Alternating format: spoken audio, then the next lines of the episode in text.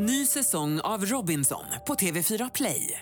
Hetta, storm, hunger. Det har hela tiden varit en kamp. Nu är det blod och tårar. Fan händer just nu. Det. är Detta är inte okej. Robinson 2024, nu fucking kör vi! Streama söndag på TV4 Play. Radio play. Han har suttit inne lite fram och tillbaka och gjort en del hemska saker och varit eh, Bandidos anhängare. Men hur var det egentligen att bli gravid som 16-åring? Det är starkt av de som gör det, men jag hade inte fixat det. För mig handlar det inte om själva kärnan att han har barn, utan för mig handlar det om att ärligheten redan där brister.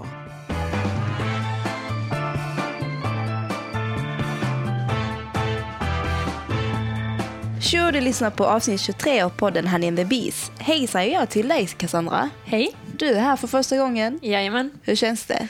Det känns lite spännande faktiskt. Ja, men eh, du verkar vara väldigt trevlig i alla fall på vägen hit. Tack så mycket. Jag tror du fixar detta galant idag.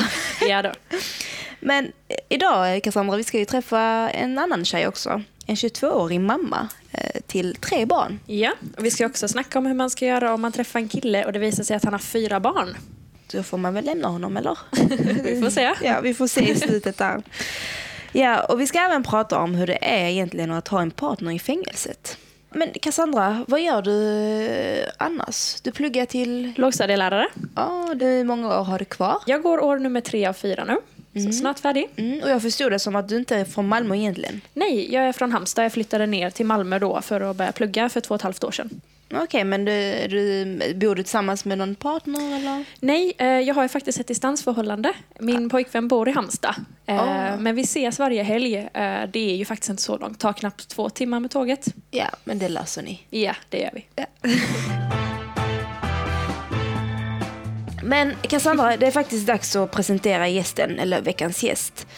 Hej Elin!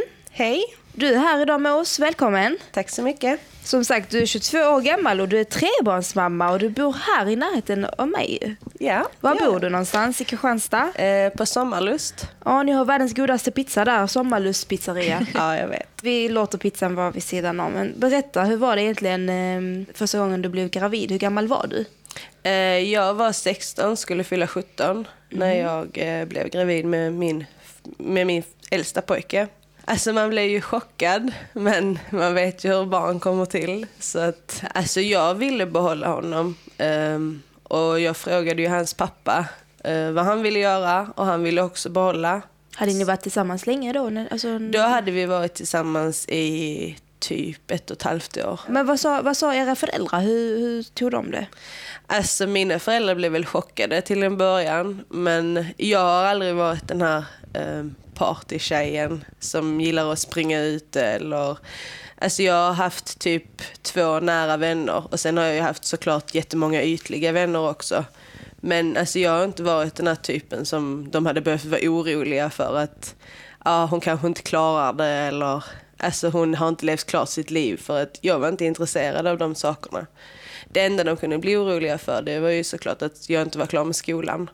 Så de kände ändå ganska mycket tillit för dig då. Ja, det tror jag absolut de gjorde. Men hur var det egentligen att bli gravid som 16-åring? Det måste ändå varit, alltså även om du inte kanske gillade att festa och så, så handlar ju inte livet bara om att festa. Alltså så. Alltså, det är klart att man var orolig. Typ, hur kommer det gå? Hur är det att vara mamma? Alltså, för det vet man ju inte. Nej. Men det vet man ju inte heller när man är 25 40. eller eller, 40, ja. ja. Mm. Men det var ju just det här att jag inte hade en egen lägenhet. Jag, hade ingen, jag var inte klar med skolan. Jag hade ingen jobb. Men där måste jag säga att mina föräldrar har stöttat mig jättemycket och har gjort att jag kan vara där jag är idag. Ehm, De passade min son jättemycket så jag kunde gå klart skolan, jag tog studenten, Jaha, jag då- började jobba. Ehm, Och det andra barnet då? Hur gammal var du då när du Ehm. blev gravid, tänker jag? Då var min äldsta pojke nio månader, så det var ganska tätt. Tätt, ja. Jag var väl, ja jag var 18. Skulle, han föddes precis när jag hade fyllt 19. Och det tredje, du sa... Han föddes i oktober. Ja, så fyra månader. Men hur skulle du beskriva att vara en ung mamma i dagens samhälle? Eh, Alltså man måste, man måste nu vara väldigt stark för att man kommer få mycket påhopp utifrån. Ehm, nu menar jag ju inte att jag är världens starkaste människa, men alltså, man, måste vara, man måste tro på sig själv. Man måste ha självförtroende. Man får inte låta någon annan trycka ner en. Men vad för ju- slags påhopp, alltså eh, är det någonting som du själv har stött på? Man märker ju när man kanske går på öppna förskolor att äldre mammor tittar lite typ så här, jaha, typ klarar hon verkligen det där? Och det finns ju BVC-sköterskor som man går hos som kan vara taskiga och liksom ifrågasätta allt man gör fastän man kanske inte gör något fel. Och hur bemöter du det? Nej men jag säger jag vet bäst, alltså det är mitt barn, jag känner mitt barn bäst. Så att Men eh, Elin, känner du dig mer vuxen än någon annan 23-åring? Nu känner jag nog inte av det så mycket, men jag kunde nog känna att jag var eh, mer vuxen när jag var så här, när jag hade fått mitt första barn jämfört med de andra tjejerna som gick i min klass som fortfarande var lite så här fnittriga i klassrummet och så här utan Ja, då satt jag där typ och var trött för att man kanske inte hade sovit så bra för natten för att ens barn hade vaknat. Så då pallar man inte fnittra med dem. Alltså, man, Det var gymnasiet då. Ja, precis. Alltså man mognade till för att man gör det naturligt. Jag tror inte man tänker på det. Men hur reagerade folk omkring dig, liksom dina vänner, nära vänner och så, när du berättade som 16-åring att du är gravid och att du tänker behålla barnet också? Mina vänner som var mina vänner, de stöttade mig i det.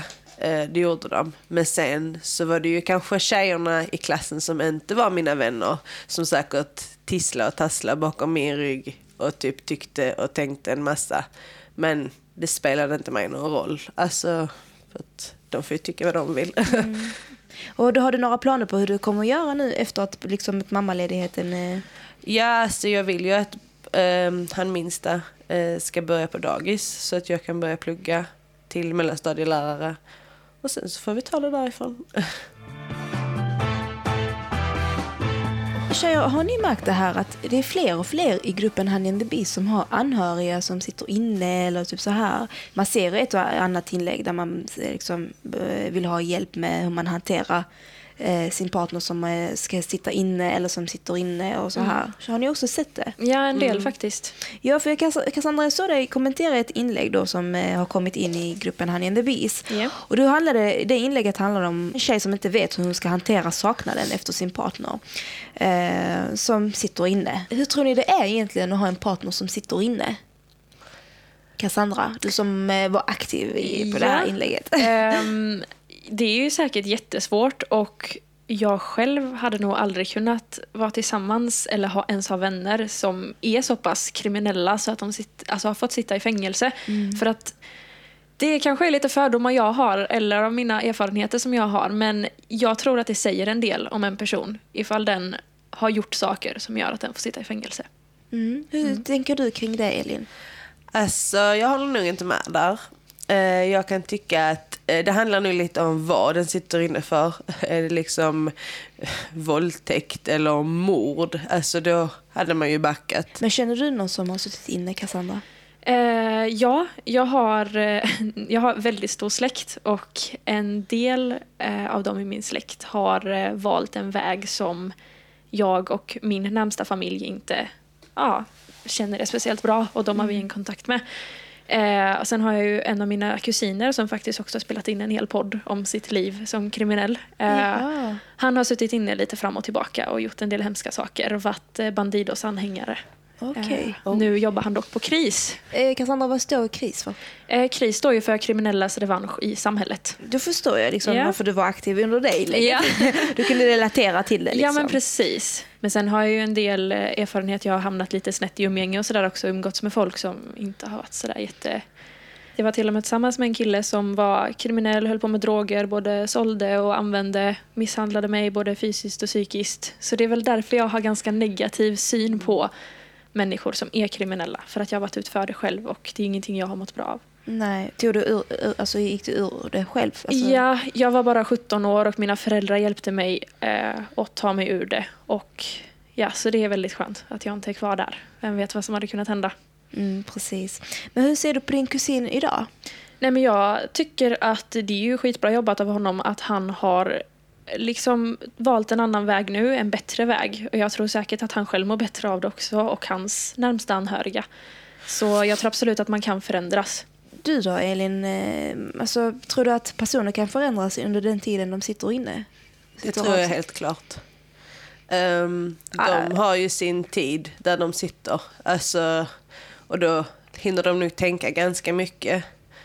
Eh, men sen beror det nog också lite på hur länge man har hållit på med kriminalitet och hur pass mycket man är involverad i det. Alltså är det hela ens livsstil så kanske det är svårt att bryta det.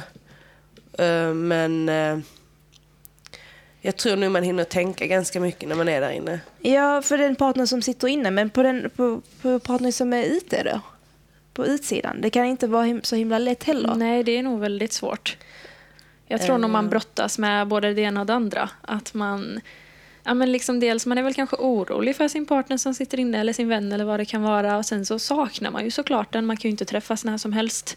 Så undrar man kanske hur det blir när den kommer ut. Sen beror det ju såklart helt och hållet på vad den har gjort också. Jag tror man är ganska besviken men ändå så älskar man ju antagligen personen eftersom att man stannar. Så man brottas nog med ganska mycket tankar. Tror ni folk vågar prata om detta högt? Nej. Nej, nej det tror jag nog inte. Eh, Jag tror folk är rädda för att andra ska döma.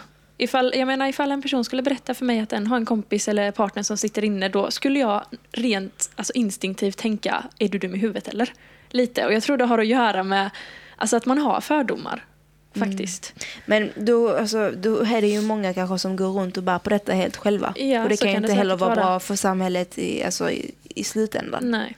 Att man går runt och bär på någonting själv för att man inte vågar prata om det. För att egentligen så, är, så ska man ju inte döma den personen, alltså partner, ifrån, för att den har personen kan ju inte stå för någon annans handling. Även om Nej. det är en, din syster, eller kusin, eller partner, eller pappa eller mamma. Men vad hade ni gjort om er partner hade åkt in? Cassandra, du, du sa att du har ett distansförhållande. Ja. Tänk om du hade fått liksom ett samtal från polisen om att ja, men, eh, din kille är häktad och sen så ja, det beror ju såklart på vad det är han har gjort. Ehm, Då går vi tillbaka till kärnan alltså som Elin pratade Ja, om. precis. Är det något riktigt grovt som eh, våldtäkt, eh, misshandel, mord, alltså sådär, då, alltså jag tror jag hade tappat respekten för honom totalt. Jag hade inte kunnat vara med en sån människa. Men ifall det kanske handlar om något sånt här skattebedrägeri eller någonting så, alltså det är ju någonting som Visst, det skadar ju folk men inte på samma sätt som när man fast, faktiskt fysiskt har gjort någon illa. Eh, så det hade jag kanske kunnat ha lite mer överseende med men samtidigt, mm, jag hade inte gillat det. Mm, men jag Ja. tänker så här, alltså även små brott kan skada ju. Anna- Alltså, Annars hade det inte varit ett brott. Nej, precis. Då hade ju samhället tänkt, nej men det är ett litet brott, du behöver inte sitta inne. Nej, Nej men precis. Brott är som brott, det ska man inte liksom komma undan. Mm. Eh, för det, de, alltså våra la, lagar finns ju där av en anledning. Precis. Tycker inte ni att det är konstigt att det är liksom brottets storhet som avgör? För ni, säger, ni är ändå ganska lika i åsikter där, trots att ni har egentligen skilda åsikter från början. Ja. Men när vi kommer till kärnan så är ni ändå ganska överens om det. Är det inte konstigt tycker ni? För det är liksom, för, brott är ju fortfarande ett brott, men det, och det handlar inte om brottet kanske, det handlar om människan. Jag hade liksom, jag vet inte, men jag tänker man skiter kanske i själva brottet utan man, man tänker på människan, att människan har gjort någonting som man inte får göra och som han, han eller hon antagligen inte har heller sagt till om. För att, då antar jag inte att ni hade liksom förespråkat för att de ska begå det brottet. Ja, men det är lite som jag sa innan, att om en person kan göra vissa saker som man vet att det här är fel, du vet att det här är ett brott och du gjorde det ändå. Det är, alltså, det, jag, jag, jag kan inte släppa det, att jag tycker nog att det säger en del om den personen. Sen såklart kan alla ändras, förändras till det bättre, det vet jag. Men just vid det, om man ska se till en, den situationen, så hade jag nog tänkt att vad är du för en människa egentligen? Om du kan göra det här. Så om vi ger konkreta råd till tjejen då? För att hon var ju lite rädd hur det skulle bli att träffa honom eh, som sitter inne. Alltså jag tycker hon ska ta det som det kommer. Alltså gå och träffa honom och se hur du känner när du väl träffar honom. För att även om den personen har gjort ett brott så är det ändå den personen som du hade alla dina minnen med, som du gjorde alla de roliga sakerna med, som du antagligen älskar. Så att jag tror att det, alltså, jag tror att kärleken övervinner det. Om han nu förstås inte, alltså ja, jag vet inte så hon tänker. Eh, Men det beror ju som sagt på vilket brott han har gjort. Cassandra, jag såg att under inlägget eh, så hade du kommenterat bland annat att du hade du en annan åsikt än vad Elin har här. Eh, Du tyckte inte att kärleken övervinner kriminalitet. Hur tänker du? vad har du för råd till tjejen? Jag tror nog att kärleken övervinner det mesta, men då måste båda parterna jobba för det. Att jag tror inte att ifall den här personen som sitter inne är fast vid att fortsätta det här livet, att nej men när jag kommer ut kommer jag fortsätta i nya brott. Då tror jag inte att kärleken övervinner det. Utan jag tror att i sådana fall måste båda jobba på att förbättra förhållandet. Och den här personen som har gjort fel, har gjort ett brott, måste förändra sitt liv. För att annars, nej. Men egentligen, vad han gör, det har ju inte någonting med kärleken att göra till dig som partner att Nej, göra. men jag tror att man, om man verkligen älskar någon och den personen kräver att du måste sluta med det här för annars kan inte vi vara tillsammans. Då tror jag att då, då slutar man. För då kärleken betyder mer än att Jo. leva det här kriminella livet. Ja, såklart. Eh, Men du som lyssnar på podden, eh, om du kanske befinner dig i den situationen att du har någon anhörig som är involverad i kriminalitet eller andra kretsar så finns det ju bland annat KRIS som man kan vända sig till. Cassandra, vill du berätta lite om KRIS? Ja, precis. Eh, KRIS kanske låter lite läskigt och så, men det är det faktiskt inte. De- De är ju väldigt öppna för allt och alla. Vem som helst kan egentligen gå till ett kriskontor, snacka med de som jobbar där, bli medlem, hänga med folk. Alltså folk som är i samma situation som en själv och bolla lite. För det är nog viktigt att man pratar om sånt här och inte är för ensam om det. Sen finns det även en förening som man kan vända sig till som heter Föreningen anhörig till en gärningsman. eh, Som man kan vända sig till ifall man behöver stöd och hjälp. Men tjejer, vet ni vad? Vi byter ämne. Vi ska prata om någonting helt annat. Eh, och det är nämligen så här, vad gör man egentligen om man skulle dejta en kille och så visar det sig att han har fyra små barn som du inte har vetat om.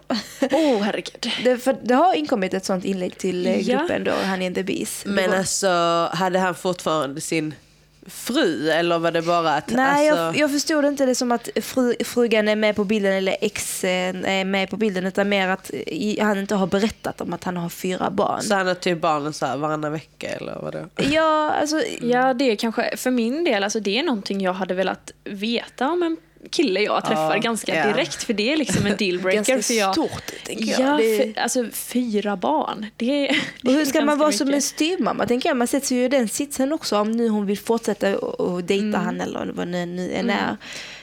Det är ganska svår sits om man säger så. Jag Tänk om hon ändå attraheras av den här killen och sen så får hon reda på att han har fyra barn. Men f- för mig handlar det inte om själva kärnan att han har barn utan för mig handlar det om att ärligheten redan Mm. där brister. Ja. Ja, så det är ju en ganska snabb sak man säger när man har barn för att ens liv kretsar ju typ kring Precis, ens det är barn. ju ens liv. Liksom. Så det är lite skumt att han inte har sagt det. Mm. Sen kanske han har valt att vänta med att säga det av olika anledningar. Han kanske har varit orolig då hur den här tjejen ska reagera. Men samtidigt, ja, han borde ha varit ärlig. Ja, Ja, alltså, vi vet ju inte hur länge det tog, men om vi struntar i att han har sagt det eller hur lång tid det här har tagit, för det vet vi ju inte. Men om vi går till kärnan. Kan man vara tillsammans med en kille eller man som har fyra barn? Hur är det egentligen att vara en styvmamma, tänker jag? Mm, nu har ju jag inga barn själv och jag känner att, eller jag har alltid sagt när den här diskussionen har kommit upp med kompisar som har dejtat liksom, killar som har barn och jag har sagt liksom att jag hade nog inte kunnat det för jag hade, eller det beror såklart på sty- alltså den riktiga mamman, vad hon är i bilden. För jag hade nog alltid känt att jag konkurrerar med henne på något vis. Jag hade tyckt att det var skitjobbigt att hon är kvar i bilden för det har jag väldigt svårt för. Folk som, alltså om jag dejtar en kille och han fortfarande har kontakt med sitt ex och jag tror inte jag hade klarat av det. Jag är nog lite för svartsjuk och orolig för det. Ja, så jag håller helt klart med. Så Ja. jag hade inte heller... Har ni dejtat någon någon gång som har barn? Nej. Nej. nej, nej, nej. Nej, alltså jag tycker, alltså jag är själv uppväxt med, en- med en styvmamma. Och det har gått bra. Alltså det är starkt av de som går in i det kan jag tycka. För Ja. att det krävs ju jättemycket. Alltså för det handlar ju inte bara om eh, henne, alltså killen och henne då utan det handlar ju om hans barn också. Att Precis. hon måste så här, kompromissa med dem och Ja. komma överens med dem och hon kommer ju typ aldrig vara i för, första hand. Va? Det är ju massa personer som blir ihop med, som har barn. Det finns massor som klarar det. Eloge, jag hade inte pallat. Om man nu är så pass kär i den pappan, alltså då kanske det inte spelar någon roll. Ja, alla är olika. Alla, alltså vissa kanske till och med känner att det hade varit jättekul att ja men det är väl kul att slippa skaffa egna barn, jag får bonusbarn istället. Alla är olika och det är väl tur. Och det är jättebra att det funkar för dem. Ja, alltså jag tycker det är jättestarkt av de som gör det. Men jag hade inte fixat det. Jag, alltså, jag har ju mina egna barn nu så det är svårt att sätta mig in. Alltså, fy fan vilken stor familj det hade blivit. Alltså. Men tjejer, om det här skulle hända ändå, hur hade ni reagerat i situationen? Om eh, jag skulle ha träffat en kille som har barn och bli jättekär i honom. Ja, precis. Ehm, ja, alltså... Ja, det hade, det hade väl kanske gått om, om det hade varit en kille som jag verkligen känner att jo men den här killen kan jag verkligen leva mitt liv med och så. Då, då hade jag såklart försökt och känt att alltså, jag, jag får verkligen göra mitt bästa och försöka hantera det här.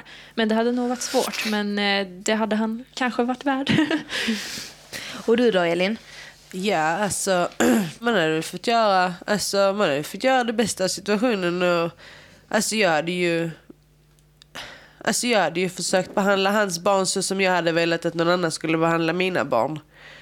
Ehm, som inte är deras förälder. Alltså det hade väl löst sig. Alltså det handlar nog också om en vanesak tror jag. Det finns ju, som jag berättade, jag har ju själv uppväxt med min styvmamma och trots att hon inte är gift med min pappa idag, men jag kallar henne fortfarande för min styvmamma. Och det finns jättemånga fantastiska styvföräldrar tror jag. Ja, så jag Det håller helt absolut. hållet med. Alltså de som, alltså, som verkligen tar an sig andras barn. Alltså det är ju verkligen cred till dem.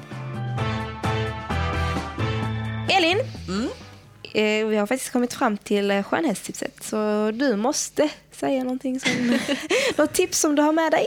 Eh, ja, mitt Inom tips skönhet. är att sova. Ehm, du ser mycket bättre ut om du har haft en sovmorgon än om du går upp klockan sex på morgonen.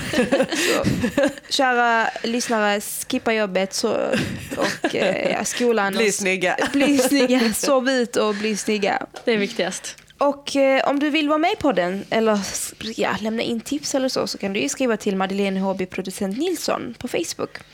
Eh, och innan vi avslutar så tänkte jag faktiskt tipsa er om en, eh, en annan podd som heter Cancerpodden.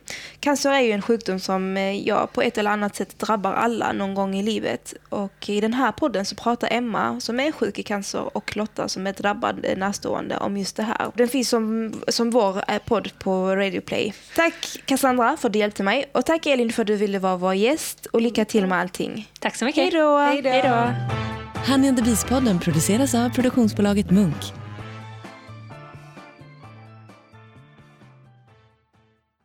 Ny säsong av Robinson på TV4 Play. Hetta, storm, hunger. Det har hela tiden varit en kamp. Nu är det blod och tårar. Fan händer just nu. Det. är Detta är inte okej. Robinson 2024, nu fucking kör vi! Streama söndag på TV4 Play.